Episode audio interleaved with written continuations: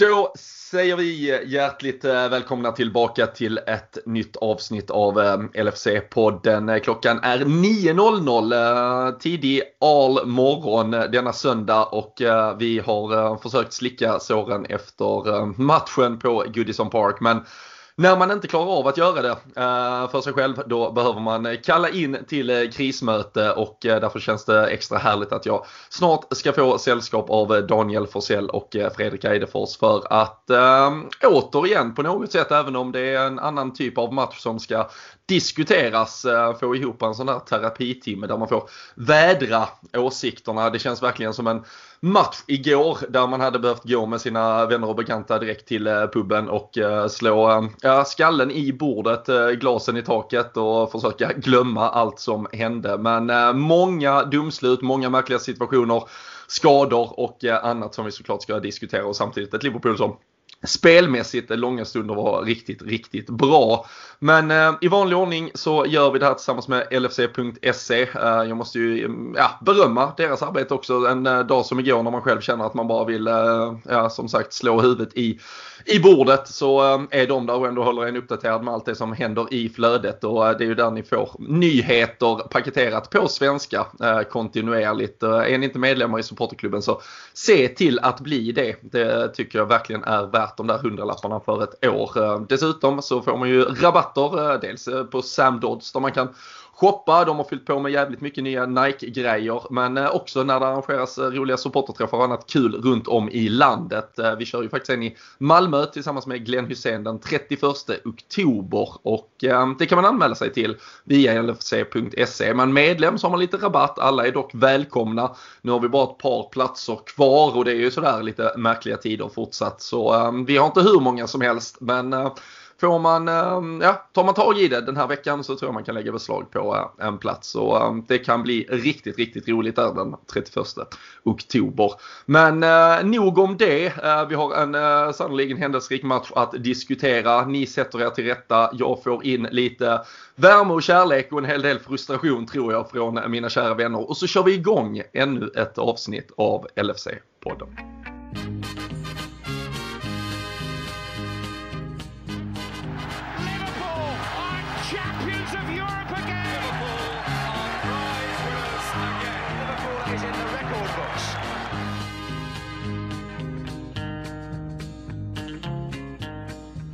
Jajamensan! Eh, Daniel Forsell, Fredrik Eidefors. Eh, det är eh, söndag morgon.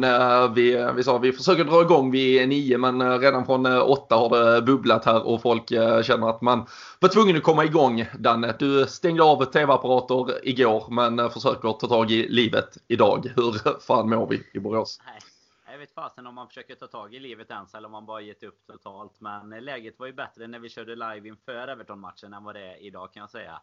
Eh, vet inte om jag någonsin har varit eh, så här eh, liksom frustrerad och besviken och så efter en match. Det, det finns väl säkert jämförbara när man går tillbaka. Men eh, nej, läget är tufft som Liverpool-supporter idag tycker jag. Även om det finns vissa saker som var positiva av att ta med sig av matchen med som, som du var inne på. Men nej, det det, det, är så mycket så jag, vi, vi får ta det under avsnittets gång helt enkelt. ja, det är väl, jag, jag vet vi ska väl försöka ta oss framåt sen. Jag vet inte om det får bli någon form av eh, kronologi eh, kanske i det. För det var så många händelser rakt igenom 90 eh, minuter plus tillägg. Men Fredrik, är den, är den upp i toppen precis som Danne är inne på bland matcher som har varit svårast att smälta och märkligast att försöka liksom landa i? Ja, eh, alltså det, det, finns ju så många olika typer av, eh, det här är inte ens en förlust, men det, det känns som en förlust på något sätt. Och eh, man kan ju liksom dra jämförelsen med att, eh, jag vet att du var i Kiev och såg oss förlora en Champions League-final och där förlorar man på grund av liksom en, ja, en misstag liksom i det här fallet. Men det här är ju en annan typ av känsla man har som också känns som en förlust på något sätt. För att här får man allting emot sig. Det är liksom ingenting som går ens väg. Eh, trots att vi som sagt återigen får med oss en poäng som man får säga att det, det är bra på förhand, som jag sa även i förra, inför förra avsnittet. Men det är... Nej, jag, det, det, det är bara fruktansvärt tråkigt. Det, det, är liksom orättvist och jag har, det var länge sedan jag var så här arg efter en match som jag var igår. Och fortfarande när man vaknar upp så känner man sig ja, man känner sig orättvist behandlad på något sätt. Men det är, nej, det är sjukt nej, svårt det... att ta in får man faktiskt säga. Ja men alltså verkligen, alltså, vi satt ju efter uh, Aston Villa-matchen och pratade om det här. Mm. Liksom, till, slut, till slut satt man och bara garvade för liksom, ja. uh, bollar studsade in till höger och vänster. Och, och igår, alltså hela, hela gårdagen blev ju liksom i, i stort sett, alltså först vår match där det, där det verkligen är så rakt igenom. Alltså från från överfallet på van Dijk till att vi då ändå gör 1-0 och så släpper vi in så jävla billigt 1-1 och sen liksom så fortsätter det och sen gör vi då 2-1, släpper in så jävla billigt 2-2 och sen, och sen gör vi det igen och sen plötsligt så ska det dömas bort och sen så, eh, alltså sen så får man, bör man få nyheterna kring hur jävla skadade våra spelare faktiskt är. När City spelar så tar de såklart en jävla 1-0 vinsten så att man ska, ja men United det går, ser ut att gå åt helvete för dem och så, ja då börjar de göra mål liksom i 85 minuter. Så det var ju, alltså det var ju en fotbollslördag som Ja, äh, det var ju inte Liverpools äh, fotbollsgudar som hade konstruerat den där i alla fall. Nej, och det är också rätt eh, intressant att man kan sitta och säga att det är den värsta känslan på hur många år som helst efter att vi har förlorat med 7-2 mot Aston Villa. Precis, men jag gör, ju, jag gör ju så mycket hellre gärna om det än eh, att ta ett poäng på det här sättet. Eller tar ett poäng gör vi egentligen inte utan vi förlorar ju eller blir ju rånade totalt på två stycken. Så eh, nej, det, det var verkligen inte konstruerat av någon Bill Shankly eller Bob Paisley eller någon där uppe. Så nej, fy fasen. Det, ja. Man får väl eh, tugga i sig det som du säger eh, med eh, Aide var inne på det. Vi tar ju i alla fall en pinne och ja, det bottenkonkurrenterna från Manchester börjar komma upp i tabellen lite. Men nej, det är sannerligen inte mycket kul att prata om från matchen alltså. Nej, verkligen. Uh, alltså, sen, det, det, är väl ungefär det uh, som vi säger. Alltså, det är ett Everton som eh, påstås vara det bästa Everton på, på år och dag. Och uh, det krävs i stort sett mord, överfall och feldömda saker i ja, i, eh, egentligen eh, genom hela matchen och eh, då landar vi ändå med ett, ett orättvist 2-2 resultat. det säger väl kanske någonting om vad vi då är. sen nu har vi ju en, en tuff kanske situation framför oss men eh, det är klart att vi ska försöka ta med oss eh, något positivt från, eh, från vår egen insats i, i slutet av allt detta. Och om vi tar det kronologiskt så kan man väl ändå börja med något väldigt positivt och det där 1-0 målet Liverpool gör ja, efter bara 2-3 minuter Fredrik. Det, det är ju en det, det, är ju så vi älskar att se Liverpool spela fotboll. Uh, snabba vändningar. Uh, Andy Robertson till Sadio Mané har vi sett gång på gång på gång. De uh, gör det kanske allra bäst i eh, laget vad gäller den typen av spel. Och eh, 1-0 rakt upp i taket eh, bakom Pickford. Ja, nej men det, vi, vi, sa det som sagt att det krävdes en, en förändring och det krävdes att, att killarna studsar tillbaka och verkligen visar att Villa-matchen bara var en engångsgrej och att allting kan gå emot en och då sånt kan hända. Men eh, som du säger, direkt eh, märkte man på spelarna. Van Dijk tog ju några, innan vi kom till det målet, kan vi säga att man märkte att spelarna var, de var ja. på tårna. De, eh, de, de, de satte dit eh, tacklingarna, de var ordentligt med från första början. Och, det är en sån grej som behövs i ett derby, för det känns som att det har varit alldeles för mesigt de senaste säsongerna. Det här började nästan kännas direkt som att hade det varit publik så hade det fan osat. Eh, alltså det, hade varit så, det hade varit så galet på den här matchen tror jag. Men, eh, nej, så, så kommer då det här målet och just den här vänstersidan är ju eh, världens farligaste vänstersida får man väl nästan säga. Alltså de två tillsammans är ju livsfarliga tillsammans. Det är Eh, och det märkte man ju när man, man inte spelar mot Villa att eh, Robertson blir ensam på det sättet. De har ett sånt samarbete. Och, nej, och man är återigen levererar. Det, det är ju bara att konstatera att han är kanske vår absolut bästa spelare på det sättet han alltid är på plats. Men, eh, och står för de stora, i de stora matcherna och gör målen. Så det, var, det var helt klart en, en bra start och det var precis det Liverpool behövde egentligen också. Mm. Ja, nej, men som du säger också, van Dijk går in två gånger först mot uh, James. Sen vet jag inte om det är Calvert Lewin på den andra, men det är, det är ju två sådana där han liksom sätter, sätter upp i rygg. Um, de första två minuterna fick ju nu då äh, spela tillsammans med Matip äh, istället. Äh, kan vi väl försöka komma förbi sen. Jag tycker han gör en ganska bra match egentligen. Äh, men har sett för eh, mittbacksinsatser den senaste tiden. Men vi får anledning att återkomma till hur vi ska eh, formera vårt eh, mittlås framöver. För sen tar det inte många minuter Dan innan vi får den där frisparken. En lång sökande boll mot van Dijk på bortre. och Jordan Pickford går ut och ja, bockar av ett mord från listan. Men det viktigaste i varummet var att eh, kontrollera offside-armen eventuellt. Ja, och det är ju sen gammalt att så länge det är offside då får man göra vad fan man vill. Då kan man äh, sänka folk till höger och vänster. Det är, det är helt okej. Okay. Det, är, det är ju här, det är här hela det här, alltså det är, det är, svårt att inte... Man vill aldrig så här sitta och diskutera var eller inte var och sådär. Men här tycker jag man kan... Den här situationen så här tar ju verkligen benar ut en väldigt dålig aspekt av hela det här med videodomare. Och det är ju att domaren eh, alltså släpper, alltså nu vet jag inte bara situationen i sig, men alltså att man ens ska sitta och dra linjer på en offside.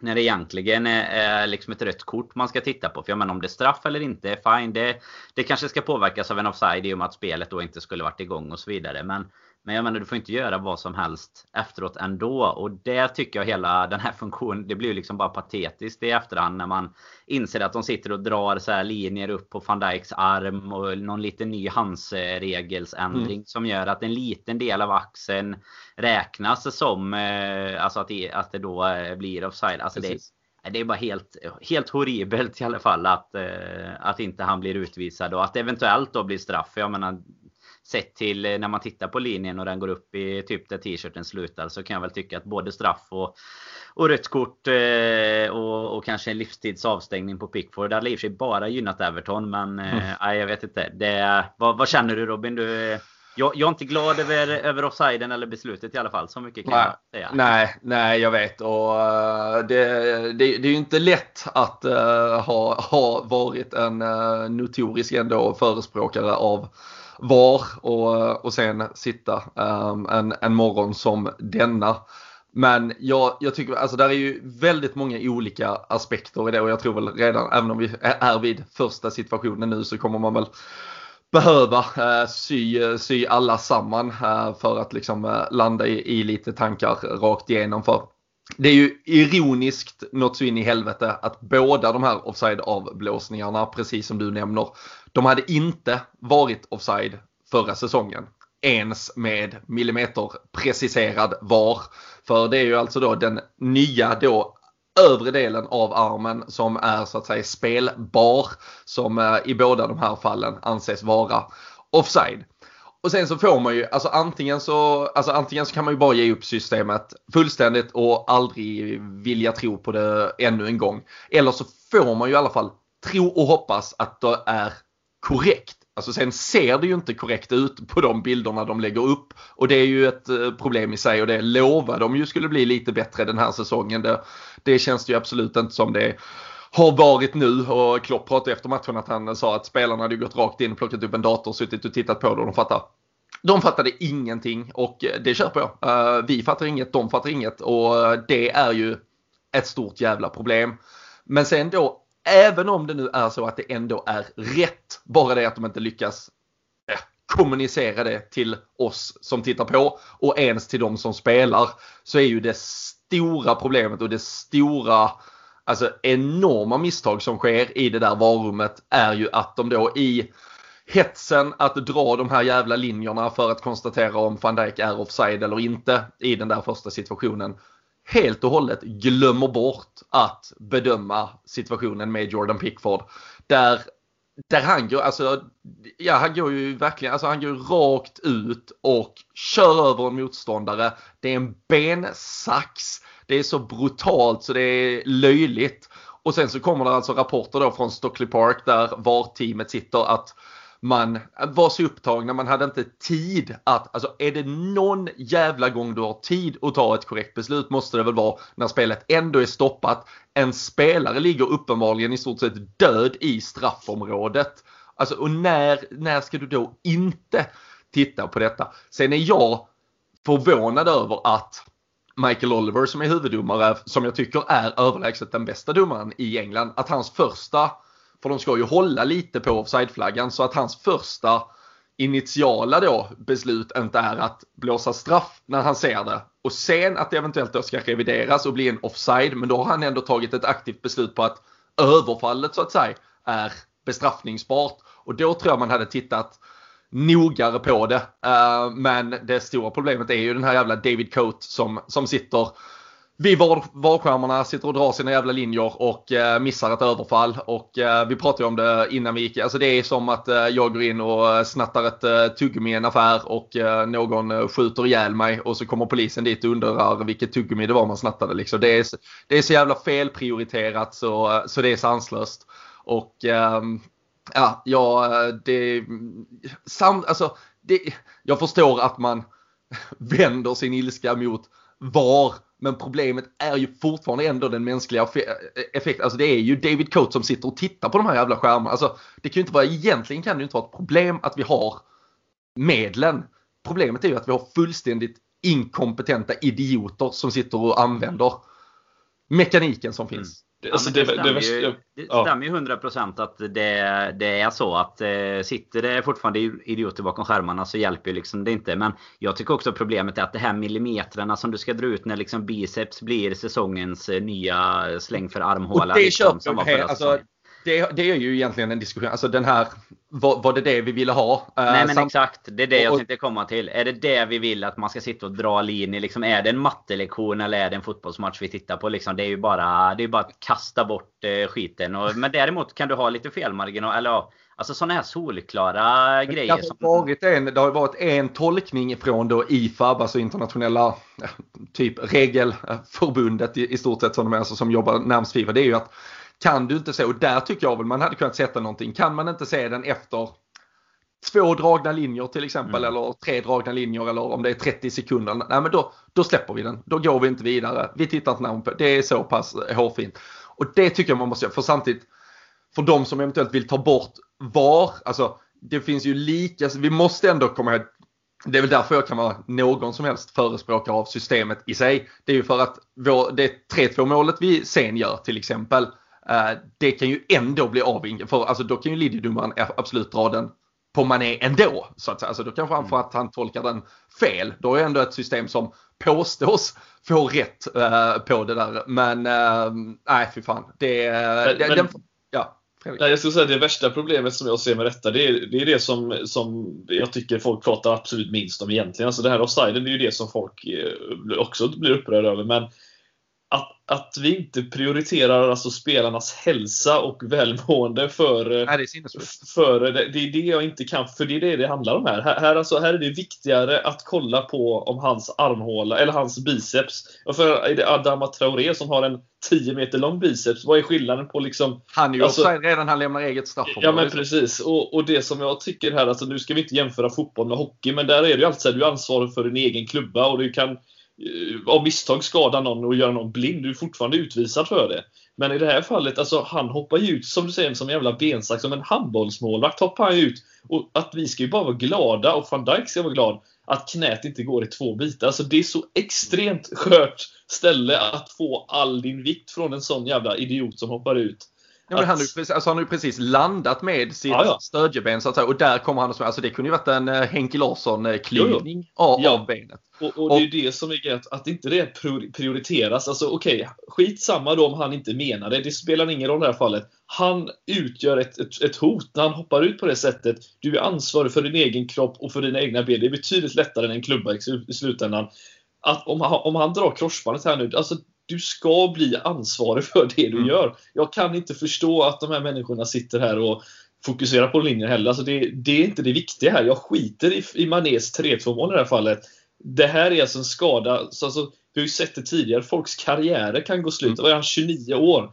Vem mm. säger att han kommer tillbaka nu om det här är 8 månader han är borta? Alltså det, det är patetiskt hur dåligt de har prioriterat detta. Det, det är så jag känner kring hela den här situationen. Jag också, och där, där tycker jag ju egentligen att även regelverket fallerar eh, spelare och deras säkerhet. Alltså Martial får tre matchers avstängning för att han nuddar Erik Lamela på näsan uh, med en hand. För att det då anses vara ja, ett grovt övertramp och osportsligt och, och alla möjliga och liksom att det på något sätt ska vara farligt spel. Det är väl för fan inte farligt spel. Det finns ju inte många fotbollskarriärer som har gått i stöpet för att du fick en eh, hand på kinden. Utan eh, alltså, men eh, nej det här är och så, och så blir man, alltså jag kan ju inte alltså jag, och det finns ju så jävla mycket statistik som underbygger det gång på gång på gång.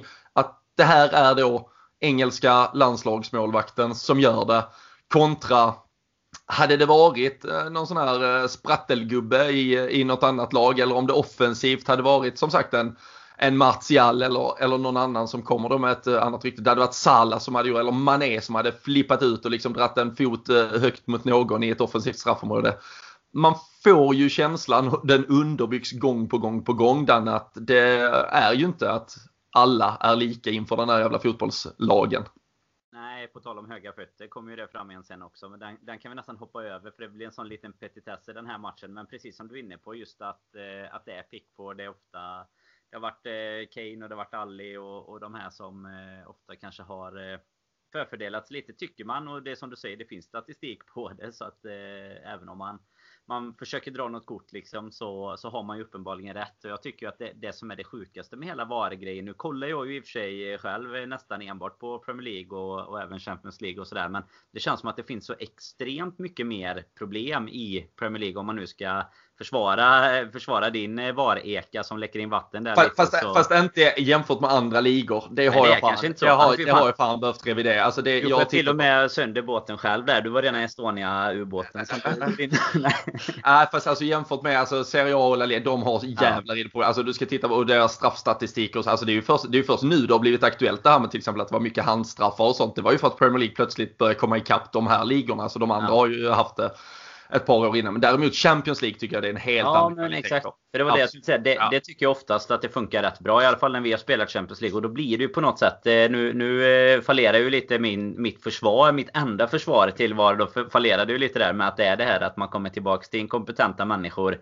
Både på planen och utanför planen. Men jag tror att hela ansvarsfördelningen blir problematisk. Alltså du ger du, du, tar bort lite ansvar från domarna som är på plats. Som ändå är utbildade och eh, liksom helt klara över att, eh, ja, men vad som ska göras helt enkelt. Och, och så lämnar du över ansvaret istället till någon som sitter i en hubb någon annanstans liksom i, i London och kikar på det. Och jag menar, sitter, alltså, om, om John Moss kan vara så usel att han eh, dömer straffar till, på Anfield till Tottenham till höger och vänster. Ja men tro fan att John Moss kan döma samma straffar om han sitter i en hubb i London liksom. Det är ju mm. det är fortfarande han som är problemet. Inte om han får titta på 700 repriser. För uppenbarligen är han helt eh, dum i huvudet. Så att det är liksom, nu är det var inte han. Nu ska vi lägga till att det inte var han denna gången.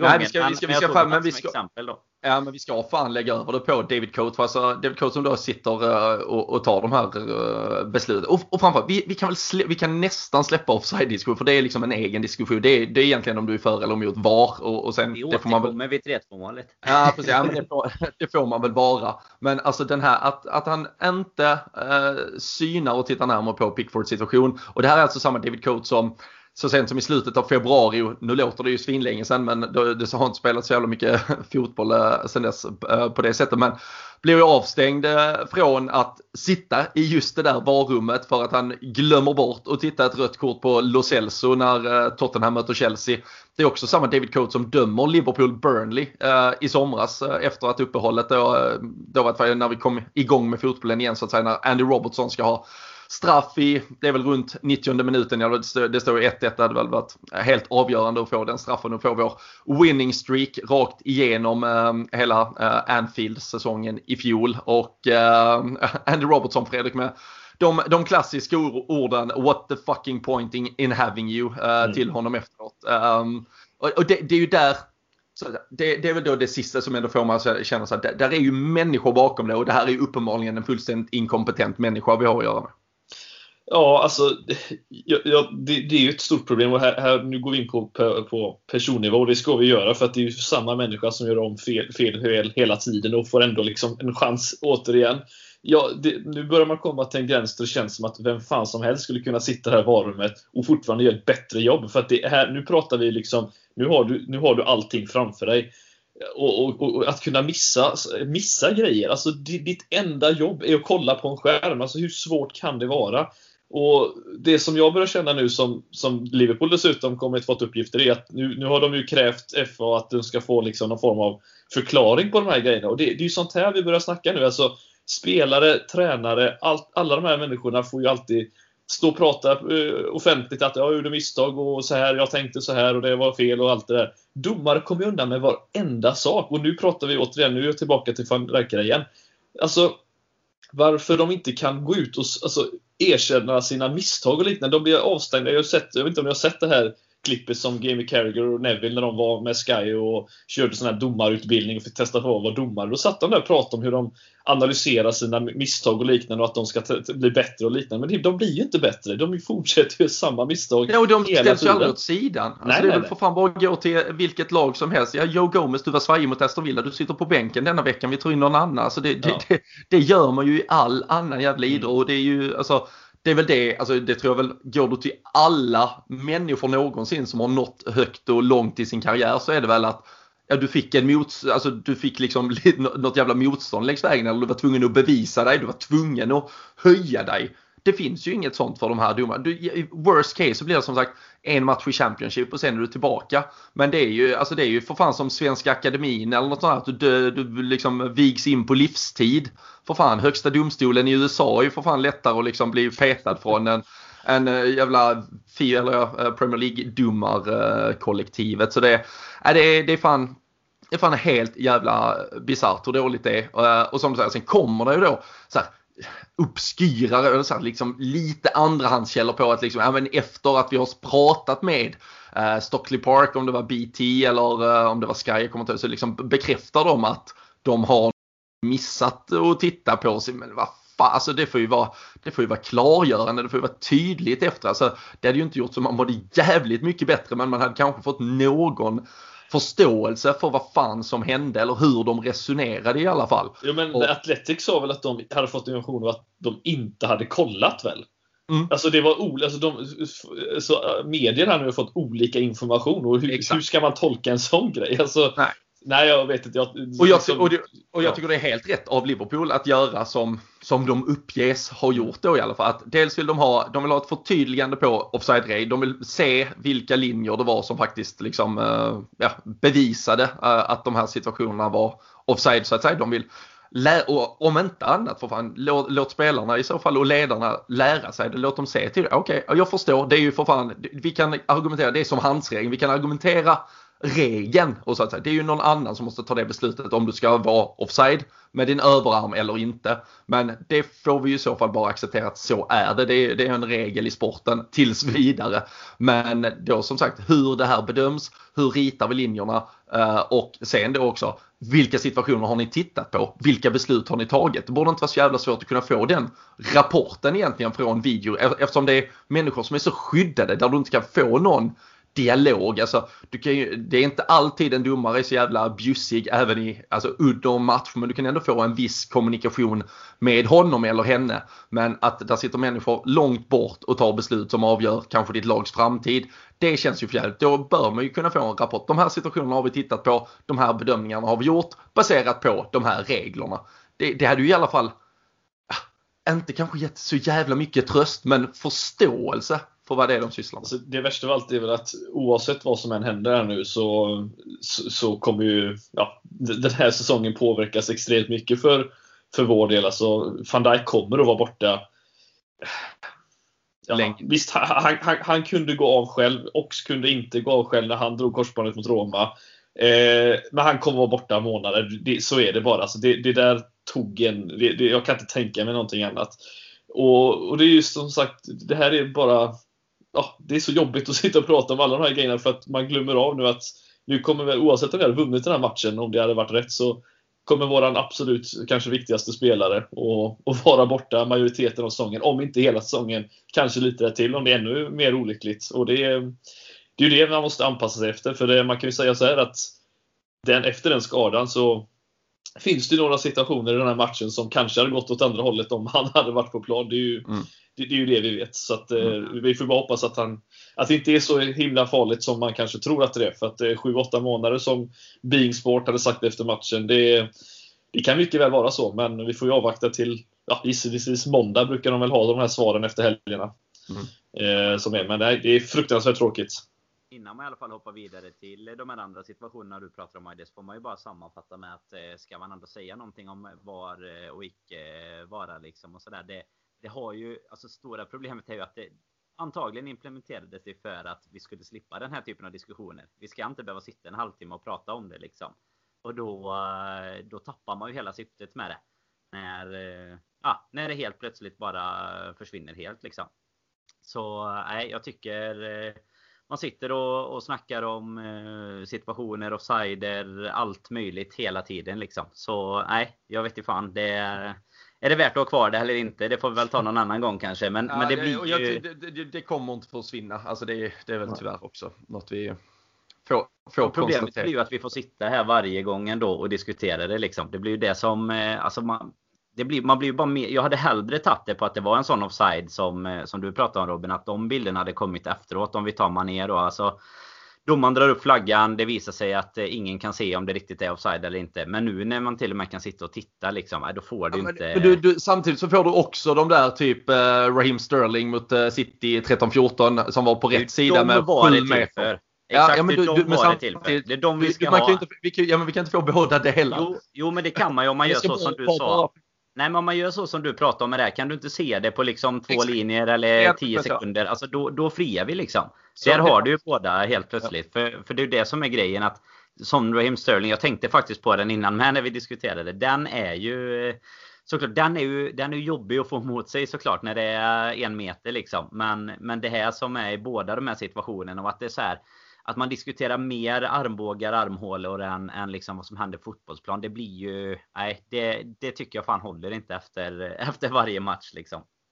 Nej, jag håller med. Jag, jag tycker samtidigt, eh, vi här brukar vara ganska duktiga. Vi brukar inte fastna i det. finns klart eh, fler eh, fotbollspoddar som bara diskuterar VAR i stort sett varenda måndag. Det, vi hoppas väl att vi inte ska behöva göra det men eh, idag var såklart en, eh, en självklarhet att eh, detta var i fokus. Vi, vi har kanske inte lösningen eh, på alla dess problem men eh, jag tror absolut att där är något att eh, titta på det där att eh, du får ett visst antal eh, sekunder, ett visst antal bildrutor. Ta beslutet baserat på det så, så har det i alla fall tagits med, med lite insyn. Du har tagit det på samma reprisbilder som hela världen har fått egentligen. Sen alla de här andra linjerna och skit det kan folk få dra hemma i stugorna ifall de vill göra det. Men ehm, backa tillbaka ett ett par steg där, låt spelet vara i fokus och sen när du väl har det här materialet, se för fan till att då också utnyttja det för att i alla fall skydda spelares säkerhet. Um, för um, nu blir det ju som så här, så det blir, ja, alltså, resultatet blir ju sin sak. Att vi får det bortdömda målet sin sak. Att vi då dessutom har kanske vår, vår bästa spelare borta. Så, så otroligt eh, länge eh, kommer det såklart vara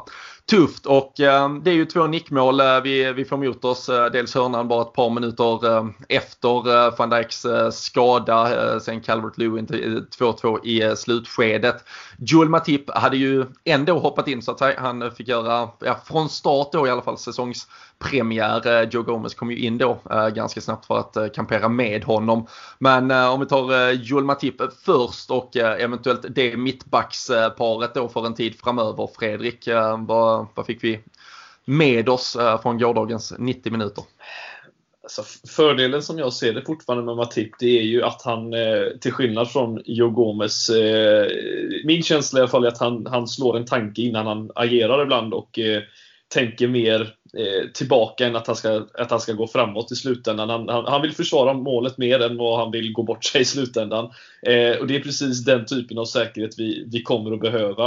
Eh, det som kommer bli fascinerande här nu, jag vet att jag varit kritisk mot Joe Gomez tidigare, det är ju hur han ska klara sig utan sin pappa här nu som mer eller mindre har ty jag tycker, även om statistiken har talat för de två ihop, så tycker jag att han har räddat upp honom alldeles för många gånger. Eh, van Dijk alltså. Eh, så att eh, nej, det här ska bli intressant att se. Eh, hade vi haft Allison så hade det ju hjälpt. Nu verkar det som att han ja, ser, ser, ja, ser kanske bättre ut än vad man trodde mm. rent eh, tidsmässigt då. Eh, och även om inte eller jo, ja, Adrian kanske skulle tagit en, ett, ett av målen kanske. Så, ah, det första eh, ska man väl ta kanske.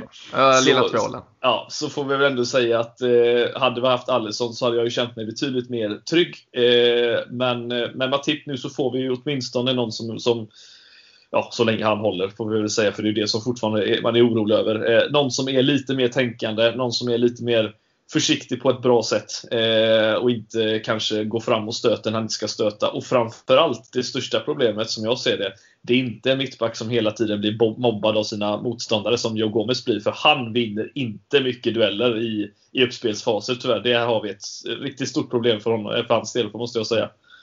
Jag, eh, jag såg samtidigt statistik faktiskt eh, på att eh, om det var baserat på, som sagt vi sitter tidig söndag morgon, man har inte hunnit ta in allt, men om det var baserat på de här matcherna som har varit nu eller om det var sen återstarten förra så snittar vi alltså att vi skulle släppa in 54 mål på en 38 matchers säsong. Det är med van Dijk dessutom. Och det har ju pratats mycket Danne om att han kanske ändå har tappat det. Nu försöker jag verkligen gripa halmstrån här, det förstår ni. Vi ska försöka bli lite positiva. Men, men kan man säga till ett Liverpool-försvar som då kanske inte har var, alltså vi är ändå så pass lite sämre kanske i försvarsspelet att om vi nu ska tappa van Dijk några veckor eller månader just nu inte göra exakt lika stor skillnad som när vårt försvarsspel var det vi förlitade oss på för ett par veckor sedan eller månader sedan. Nej, men jag tycker ändå att du har en poäng där, för så är det ju. Det pratade vi om mycket i slutet på förra säsongen med och då hade vi ändå en eh, hela anledningen att vi hade vunnit Premier League som eh, som en ganska trygg, eh, ett tryggt ankare att luta sig mot när, när vi ändå kunde ha råd att släppa in lite fler mål. Men jag menar nu har vi ju verkligen inte råd med det och tycker väl att det absolut största problemet fortfarande kommer vara att kombinationen med att Adrian och, eller att Allison och van Dijk blir borta. Att det är då Adrian tillsammans med ett eh, lite då. Det blir ju nykomponerat mittbackspar kan man ju säga i och med att eh, van Dijk alltid brukar spela. Så eh, nej, det, de här halmstråna de eh, får du kanske hålla för dig själv. Jag vet inte. Nej, men alltså vårat, vårat stora, alltså även innan van Dijk kom in. Jag menar Liverpool eh, överlag, både Klopp och, och, tidigare tränare om man säger så. Det har ju varit att, att vi gör fler mål än motståndarna trots att vi släpper in ett par om man säger så. Det var, det var ju med van Dijk den här stabiliteten och tryggheten kom. Och det, det blir ju inte klart att han är helt extremt otroligt viktig, men det är klart att eh, vi i eh, i vissa matcher ändå ska kunna hålla nollor. Jag, jag, tycker väl inte heller att det har sett riktigt lika stabilt ut i början på säsongen. Så, så om man ska ta någonting som egentligen är sjukt negativt, det vill säga att det inte har sett så stabilt ut eh, och ändå göra det positivt om van Dijk är borta då så kanske det inte kommer påverka, som du är inne på, riktigt lika mycket som det gjorde i typ första halvan på, på förra säsongen.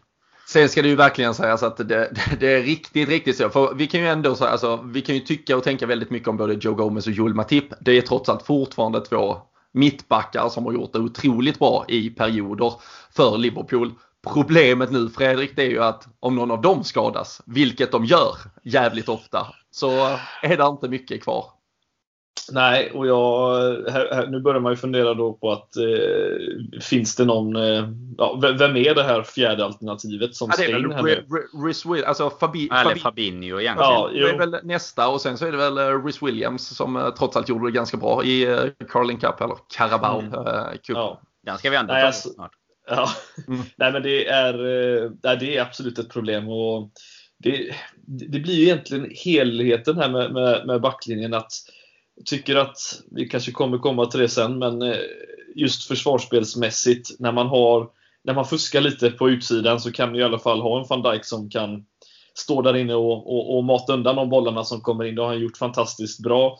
Eh, tycker ju exempelvis att Trent får oerhört lite kritik för sitt mm. försvarsspel på deras Han var ganska dålig. Ja, ja nej, men alltså, det, det, det, är så slappt och man har suttit och pratat så många gånger om hur bra han är offensivt och det är han. Han är helt makalöst bra där och i sitt eh, overallspel när han har bollen. Men oj vad han har problem i försvarsspelet och det hjälper ju inte nu då heller när vi har två stycken där inne som kanske inte man kan lita på heller till 100% även om du som du säger har gjort väldigt bra. Så att, eh, ja, vi får ju hoppas att det är januari väldigt snart här alltså för ja, ja, vi, vi, kan ju nästan utgå från att van Dijk är borta en 3-4 månader kanske, minst. Det känns ju så. Eh, och då är jag väldigt optimistisk just nu. Och då, nej, det, någonting måste ju hända eh, i januari. Det är bara synd att det inte hände någonting redan innan, men det kan man ju inte förutspå det här såklart. Det är, det är väldigt svårt. Det är en låt på lån. Har inte van Dijk lite, har inte van Dijk lite så Zlatan-aura ändå av att kunna ta en sån skada och bara, men jag var borta en månad och så Jo men det, det, är ju lite så som är känslan. Alltså, han känns ju övernaturlig på något sätt att han skulle kunna klara en sån här grej. För att nu, nu vet inte jag om det här stämmer. Det, jag säger, slänger bara ut och ser om det finns något bekräftat på det. Men hade han skadat sig, eh, sin eh, korsband innan han kom till Liverpool någon gång? Det var någon som hade för mig att han, eh, ja. någon hade nämnt det, att han hade gjort det i Southampton. I ja. Nej, oavsett, så det finns ju spelare som har kommit tillbaka. Ings har kommit tillbaka från två stycken vill jag väl minnas. Så det, mm. ja, det går ju att komma tillbaka, absolut. Men det enda positiva jag ser på det, det är att han stod upp och kunde gå ut själv. Det är det enda. För att eh, annars är det upp mot ett år han hade varit borta troligtvis. Men det är ju folk där jag, fan, jag har fått olika, jag pratade med lite eh, folk igår som själv har dratt sina korsband och de har haft jävligt olika, alltså vissa har liksom legat i, i plågor och liksom vridit sig och sen vissa har Alltså där har det känts mindre än en stukad fot inledningsvis. Och, just, och jag vet inte också om det är om du går på ja, men lite fyllt på adrenalin och allt möjligt också och så går de en sen när du så att säga när, när det släpper, när du plötsligt börjar vila eh, benet så då kommer eh, smärtan. Men jag, eh, jag är sannoliken eh, ingen läkare. Eh, enda lilla halmstrået om vi ska ta ett därifrån också är väl att eh, Richard Keys och gänget på Bean Sports inte är det heller. Det var de som hade fått rapporterna om 7-8 månader. Så vi, vi väntar väl på officiella rapporter eh, såklart på, på exakt vad som, eh, vad som är fallet. Och eh, vi kan ju konstatera att även Thiago fördes till sjukhus efter, efter mm. smällen från Richarlison. Och med det kan vi väl summera och konstatera att man på riktigt, Danne, verkligen hatar Everton igen. De, nu var det ett sånt här hatiskt mm. derby och vi fick se vilka jävla vilka jävla svin de eh, var. Ehm, och det har ju ändå en liten, liten charm även om det var på bekostnad av eh, jävligt eh, trist utgång. Ja, men precis. Jag trodde först du skulle säga att vi konstaterade att Michael Oliver hade det röda kortet med sig. För det var det vi kunde konstatera efter att Rick Allison gjorde den tacklingen. Men nej, men vi, Ja, man, får, man får ju ta på sig det. Att man, eh, jag satt ju och sa det i våran live inför matchen att det är jäkligt kul om det blir lite den här typen av derbyn och eh, att det är känslor och sådär. Och det är det ju, men eh, det suger ju nu i efterhand. Så, så jävla roligt var det visst inte. Men nej, det, det förtjänar ju verkligen. Alltså, du var inne tror jag på det i början där Fredrik. Alltså om det hade varit publik på den här matchen. Det är möjligt att... Det är ju fyra, det är fyra röda var då. Ja, men det är det ju antagligen. Alltså det, och det är ju det som också jag tror att både det och det här hela debaclet med linjer och utvisningar och så. Det är liksom det som gör min bitterhet något större. För hade, man, man hade ju brunnit på ett annat sätt eh, ännu mer om man nu, om man nu kan. Man hade ju liksom kokat över. Huvudet hade bara flugit av en om, om det hade varit, om man hade kunnat vara på plats plats och sådär också. Så nej, det, det, är väl eh, om, om frågar mig om tre månader igen så tänker jag nog att det är rätt fint att det är sån här derbyn. Men just nu eh, hade det varit bättre om vi bara hade fått eh, vinna. Men mitt resultat 2-1 Manés alla målskyttar dessutom. Så jag är ja. kanske extra arg för det också. Ja, nej fy fan. Det, ja, spåkulan i, i Borås har ju, den, den kämpar i uppförsbacke. Den, eh, den hade inte dratt linjerna, det var det. Den var, den var felinställd igår på, på linjerna. Eh, sitta och kalibrera hela ja, vi dagen. trådde det var armhålan som gällde fortfarande. Ja, fy fan. När spåkulan går på förra årets handsregel. Det, hat, hatar när det händer. Ja. Nej, verkligen. Men eh, ja, 2-1 eh, målet som eh, då hade kunnat vara Dannes slutresultat. Det betyder också hundrade målet Fredrik för Mohamed Salah på 159 matcher. Och One Season Wonder fortsätter att tugga på. Ja, jag skulle precis säga att det är sjukt att det är först nu, är det typ 40 minuter in på avsnittet, eller så här, vi pratar att Salah har gjort lika många mål som Kevin Keegan har gjort för Liverpool. Liksom det, det, mm. ja, det säger en hel del om att det är mycket som hänt i matchen. Men nej, det är ju helt makalöst som sagt vad han har, eh, fortsätter att leverera. Och det, jag tror att folk diskuterar det fortfarande att huruvida han just det one season wonder grejen just för att han kanske inte alltid, den här säsongen har han ju kanske då i en match varit varit riktigt, riktigt bra. Eh, men han gör ju sina mål och det ska ju egentligen, det är ju sekundärt. Han gör mycket mål i en riktigt svår liga. Det är, och har gjort det nu i flera säsonger. Så att det är hatten av och eh, var ju synd bara att det där inte fick bli då det avgörande målet. För det hade ju varit så perfekt liksom att man, vi har väntat in det här hundrade målet nu. Men eh, hur upplevde ni, alltså tyckte inte ni att vi var lite um, alltså, balanserade på att, alltså, att Jordan Henderson hade en klart högre utgångsposition till höger? Uh, Trent kom inte lika högt upp medan man istället tryckte in Sala i uh, ja, men lite mer uh, central roll. Um, ja, men, ja, det är såklart också för att få ut maximalt av Thiago. Vi har ju pratat få ut maximalt av Jordan Henderson. Han har, han har, har ju haft liksom väldigt många alltså, perioder där han har varit väldigt, väldigt bra i det här boxspelet. Han får komma upp Han gör ju egentligen också 3-2 målet eh, då genom att komma, komma in där. Eh, men det var ett formationsmässigt eh, liksom uppställt Liverpool som jag, jag också hade väldigt mycket, väldigt lätt för att tycka om igår. Ja, mm. nej men det är, man kan säga att Thiago har ju möjligheten att, att lyfta rätt många spelare får vi ändå säga. Han är ju han är ju banne med överallt. Den passningen han dessutom slår där är ju helt eh, makalöst bra fram till Mané. Som återigen borde ha varit ett tre, inneburit ett 3-2 mål. Men Alltså han, han, han, står ju för så mycket, ex, ex, extremt mycket på planen, både i passningsspelet, men han är ju överallt och täcker upp dessutom. Vilket gör att spelare som, jag tror att det var egentligen det jag kände direkt, att när han skulle komma in, att det finns andra som lyfts av detta. Eh, mitt, framförallt mittfältet tror att vi, jag har saknat lite av att ha den här spelaren, kan man säga då den extra fjärde anfallaren nästan som det blir när du kommer in i boxen. För att det är någonting med Henderson när han kommer in där. Han, han, han, har ett mission när han kommer in. Han kanske inte alltid får de perfekta träffarna och det fick han ju inte igår för den delen heller. Men han är där i alla fall och eh, det känns som att det kan absolut lyfta honom något till för att ha, ha en Thiago och en Fabinho som städar upp lite men ändå ligger och, och kunna eh, leverera lite bollar. Det, det känns ju absolut optimalt och sen få in Salah i boxen. Det är, det gör ju ett, vi får ett mål till dessutom. Så ja, och alltså Henderson, han har, ju den, han har ju nicken som, är det Jeremina eller Michael King mm. som kommer, alltså han, mm. ja, han tar ju en djupledslöpning och får crossbollen in och nickar. Alltså det är, kan, det är väl till och med redan efter, är det innan vårt 1-0 mål tror jag till och med. Så det är väl ja, typ, innan eller efter, precis. Det är tidigt som fasen Ja, det är tidigt som fan i alla fall. Och sen gör han ju då målet där i slutet. Sen har han ju ett eller två lägen till där han kommer in och han och Firmino och Salah äh, växlar äh, lite och kommer något, något avslut. Så jag, jag hoppas vi får se äh, Jordan Henderson i då har vi suttit sedan 2013 Fredrik och sagt att det är i den rollen han är som bäst. Gjorde han några mål? Ja. nu får vi bara se hur länge Thiago är borta visserligen. Om ja. han, hur, hur farligt det där var. Men jag ser absolut Ja. Käns, känslan där, alltså nu kan man ju ha jävligt fel, men jag, jag tror inte att Klopp heller hatar att efter matchen behöver, alltså, gud, alltså han vill ju såklart också lägga belägg på hur ja. dåligt behandlade Liverpool var. Så att han säger att ja, ännu en till sjukhus, ännu en till sjukhus. Det så, alltså, han spelar ju på i lugn och ro efter sin smäll. Äh, sen ja. är det klart att det måste tittas på.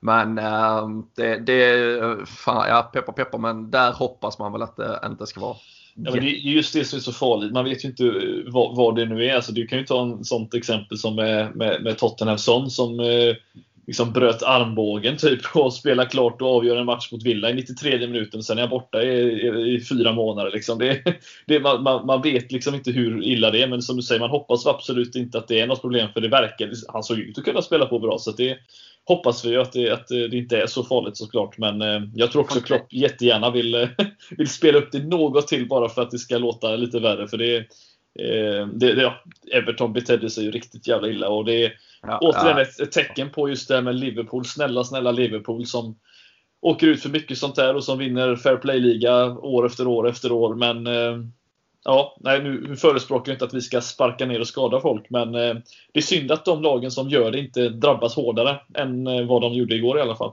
Nej, du får inte nämna sån för oss fantasy managers. För han gjorde tvärtom här nu förra veckan, eller innan uppehållet. När han skulle vara skadad och kommer tillbaka och gör 300 mål på United istället. Så, nej, fy fan. Glöm, glöm eh, han här bara. Men Thiagos, det är som du säger med hans magiska no-look-pass där till Mané. Mm.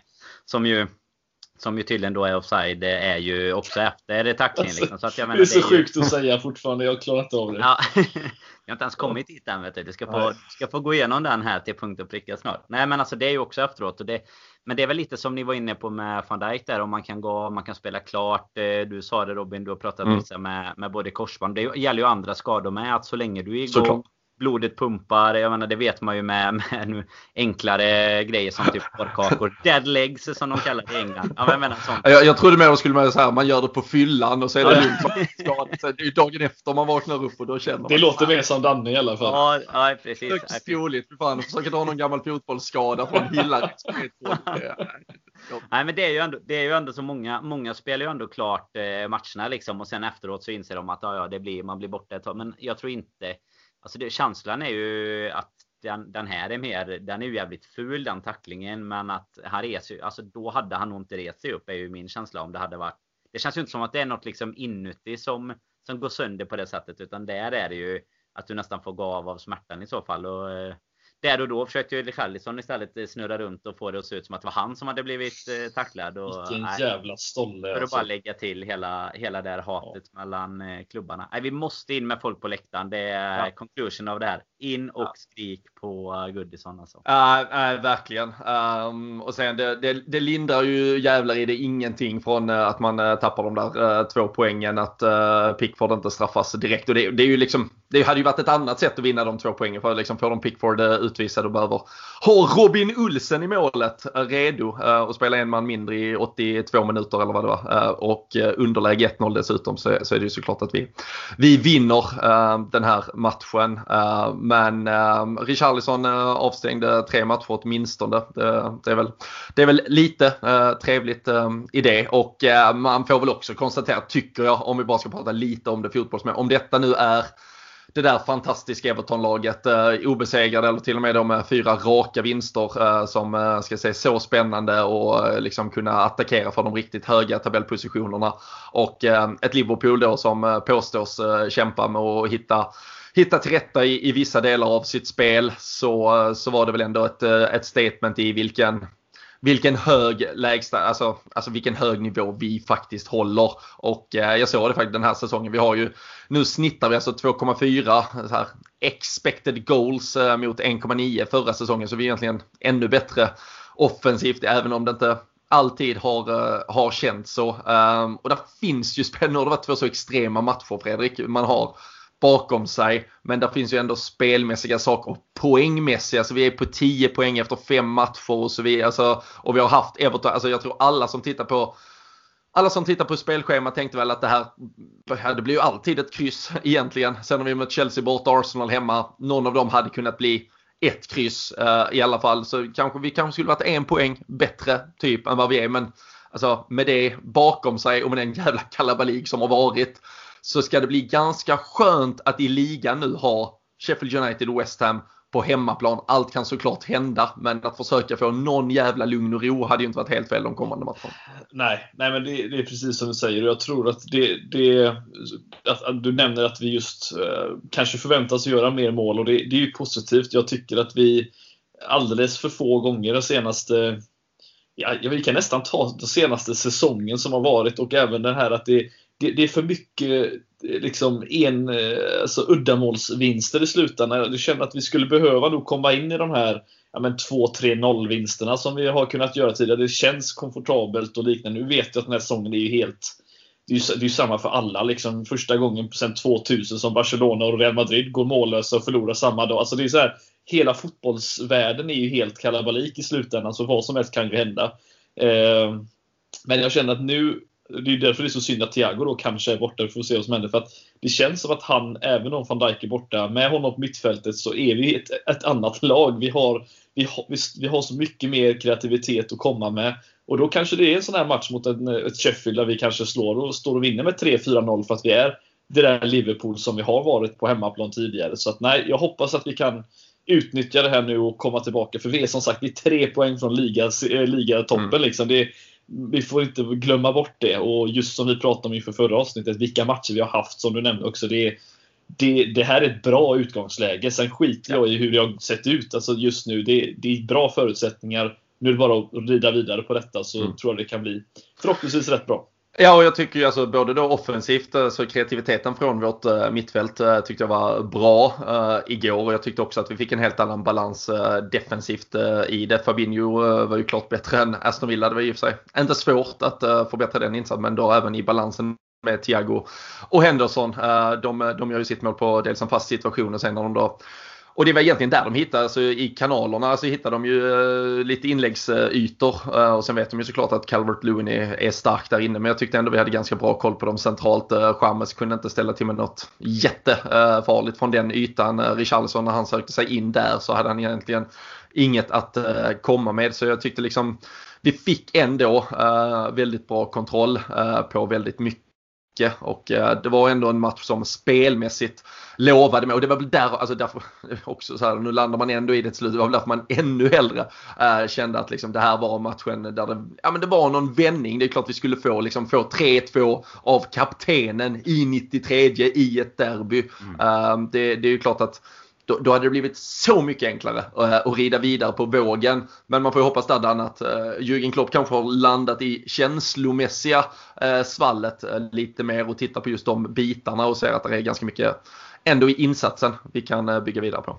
Ja, men det är jag helt säker på. Alltså, även om vi eh, kommer sitta och vara besvikna tills eh, man eh, lämnar jordelivet för det här liksom, så är det fortfarande så att Klopp, spelarna, de är så pass professionella. De, jag tror att för dem är det, visst det är ju bittert någon dag eller två, men det, det är lite så här tillbaks till träningsplanen. Det är sånt som händer fortsätta kämpa och det är därför det är de som spelar och vi som sitter vid sidan liksom för att de har det. Alltså de är så pass professionella. För du var inne på det lite innan. Alltså det, det hade ju typ varit bättre att det bara blev 2-2. Alltså känslomässigt hade det varit bättre att det bara blev 2-2. Vi skapar någon halvchans det sista istället för att allt detta händer. För att man blir ju, alltså det är ju så. Det är det här som försvinner så mycket från fotbollen nu. Man kastas mellan hopp och förtvivlan. Och det är ju inte, man har ju inte ens en tanke på att han skulle kunna varit offside i det läget. Och så ska det sittas och tittas på och dras linjer igen liksom. Och det är Henderson som får avgöra. Det är Pickford som blir straffad direkt. Han blev inte utvisad men han visar hur jävla korta armar han har genom att bara på något sätt fumla in en boll liksom. Och man går från eh, någon sorts eh, eufori till eh, misären på, mm. på den här jäkla eh, offside-linjen. Liksom. Så, men men jag, nej, jag tror inte att det kommer påverka laget. De kommer komma nej, alltså, tillbaka. Jag, är, ja, jag tror alltså, vi kommer kanske aldrig tillbaka. vi, vi, har, vi har pikat för länge sedan Danne, det, det är ja. konstaterat. Men, eh, nej, men jag tycker man märkte ju bara på liksom, eh, sociala medier efter. Alltså, alla var ju jävla, alltså spelarna som gick ut liksom så här liksom, vi, vi kämpar hårt som fan, vi tyckte vi förtjänade mer, vi, vi förstår knappt vad som hände.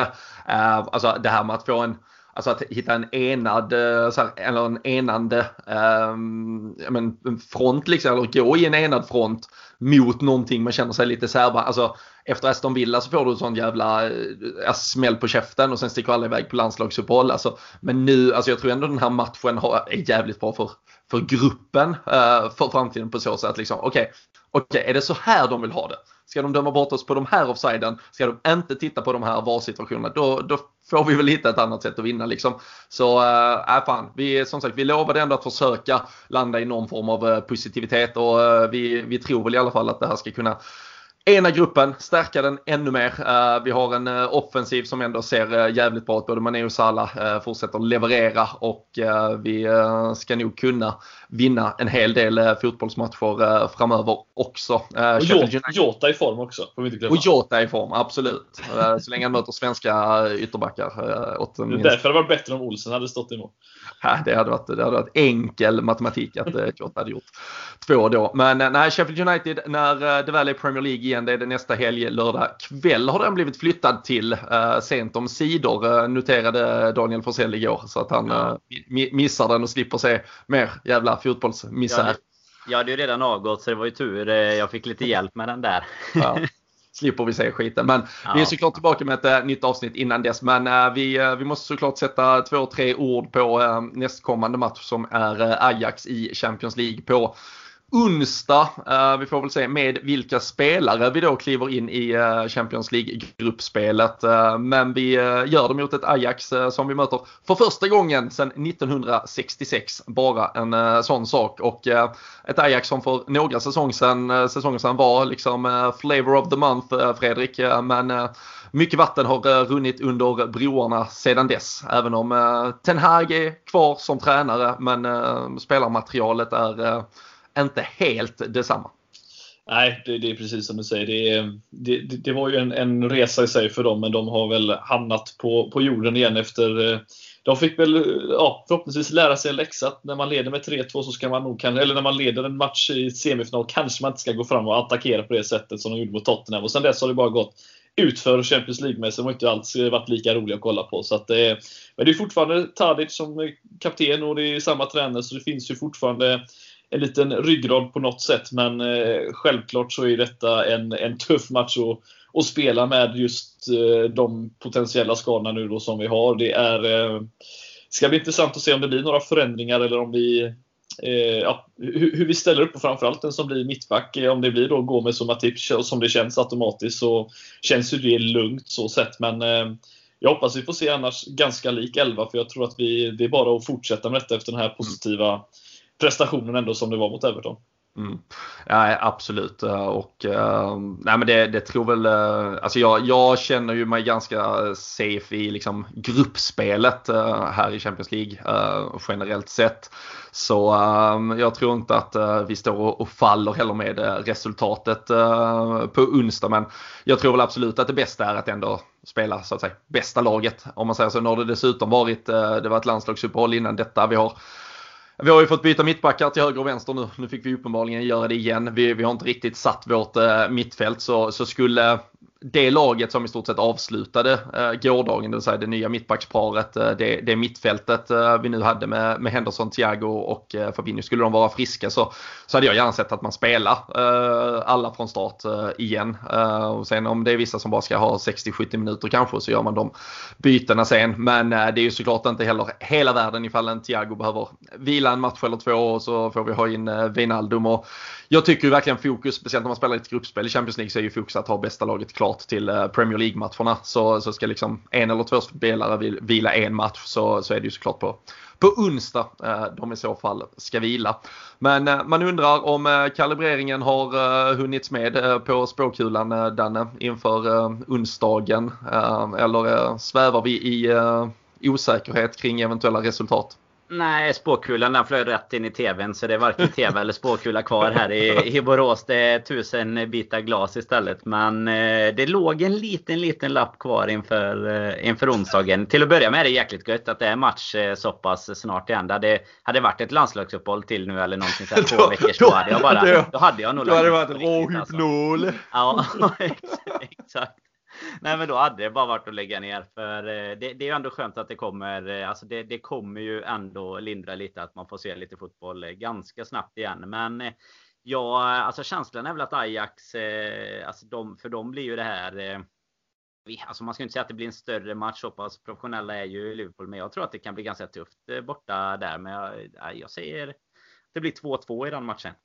Ja, snyggt. Jag, jag, säger, jag var inne också på att vi nog kan vara ganska nöjda med ett kryss. 1-1 säger jag i så fall. Och Fredrik, vad tror du? Ja, jag tänkte ju säga 1-1 jag med. Så att jag... Det är helt okay. Ja, nej, men vet du vad? Vet du vad? Eh, Adrian gör Game of, eh, game of the, eller, Performance of the Seasons. Eh, the season, så att 0-0 eh, blir det. 0-0, 0-0, 1-1, 2-2. Krysset eh, är Um, ja, själv hade man ju ett litet, litet uh, tipp på krysset i Liverpool-Everton, uh, Chelsea-Southampton och sen även i Newcastle uh, mot Manchester United igår. Det var inte ens nära, det blev ju 4-1 till United. Det var inte ens nära Robin. det, det, är få gånger ens tipp har suttit fram till 85 minuten i sista matchen och så ändå ryker man på att man faktiskt har tre mål fel. Det, men så är det när 81 gånger pengar. När fantasy-karriären lades ner. Det var också an- igår. andra gången när man har en 81 eh, gånger. Jag hade ju fyra på Salah ja, i premiären eh, också till 81 gånger. Så jag ska nog undvika oddset 81 eh, framöver i alla fall. Men nej, sånt är livet. Bara bryta ihop och komma igen. David Coate kan ju däremot stanna i någon jävla källare, låsa in sig själv, svälja nyckeln och sen ja, ge upp. För um, fotbollsdömning är inte hans grej. Men det tror jag att vi alla har eh, konstaterat. Eh, så eh, tack för att ni har varit med och lyssnat idag. Förhoppningsvis så har ni fått bearbeta den där matchen en gång till och kan lägga den till historieböckerna en stund åtminstone. Vi avvaktar såklart och ser vad som händer nu med både Thiago men framförallt med Virgil van Dijk. Vi håller oss också uppdaterade på om Alisson kanske, som Klopp har flaggat för i alla fall, kan vara tillbaka lite snabbare än vad som först var förväntat. Men det lär ju såklart inte vara i kommande vecka vecka. Men eh, LFC.se är ju eh, perfekt plattform för att hålla er uppdaterade på all information som eh, omgärdar vårt kära lag. Nu börjar ju matcherna avlösa varandra snabbt igen här och vi kommer såklart att alltid hålla er ajour då med dubbla avsnitt också så länge det är dubbla matcher. Och sen fortsätter vi tävla ut tröjor med Samdods på matchdagarna. Vi har en jävligt snygg Steven Gerrard tavla eh, som det finns information om på vår Twitter-sida eh, som vi har tagit fram tillsammans med Art by Dutti. Man kan beställa den för att få eh, någon jävla glädje i det här höstmörkret och eh, har man inte bokat vår eh, supporterträff i Malmö den 31 oktober så tycker jag verkligen man ska göra det. Det kan man läsa mer om också på Twitter eller på lfc.se. Glenn Hussein kommer ner och håller låda. Det brukar alltid bli jävligt roliga tillställningar och skulle det då bli en sån där skitmatch som den mot Everton så kan man i alla fall dricka öl med honom och oss andra så brukar eh, livet bli lite enklare i alla fall. Eller så hoppas vi ju såklart att det blir en match där vi vinner, firar och har en eh, riktigt jävla trevlig dag och kväll. Men Tack för att ni har lyssnat. Tack för att ni är med oss. Vi hörs och ses eh, snart igen. Ta hand om er, tvätta händer och håll avstånd och allt sånt där. Eh, så hörs vi snart igen.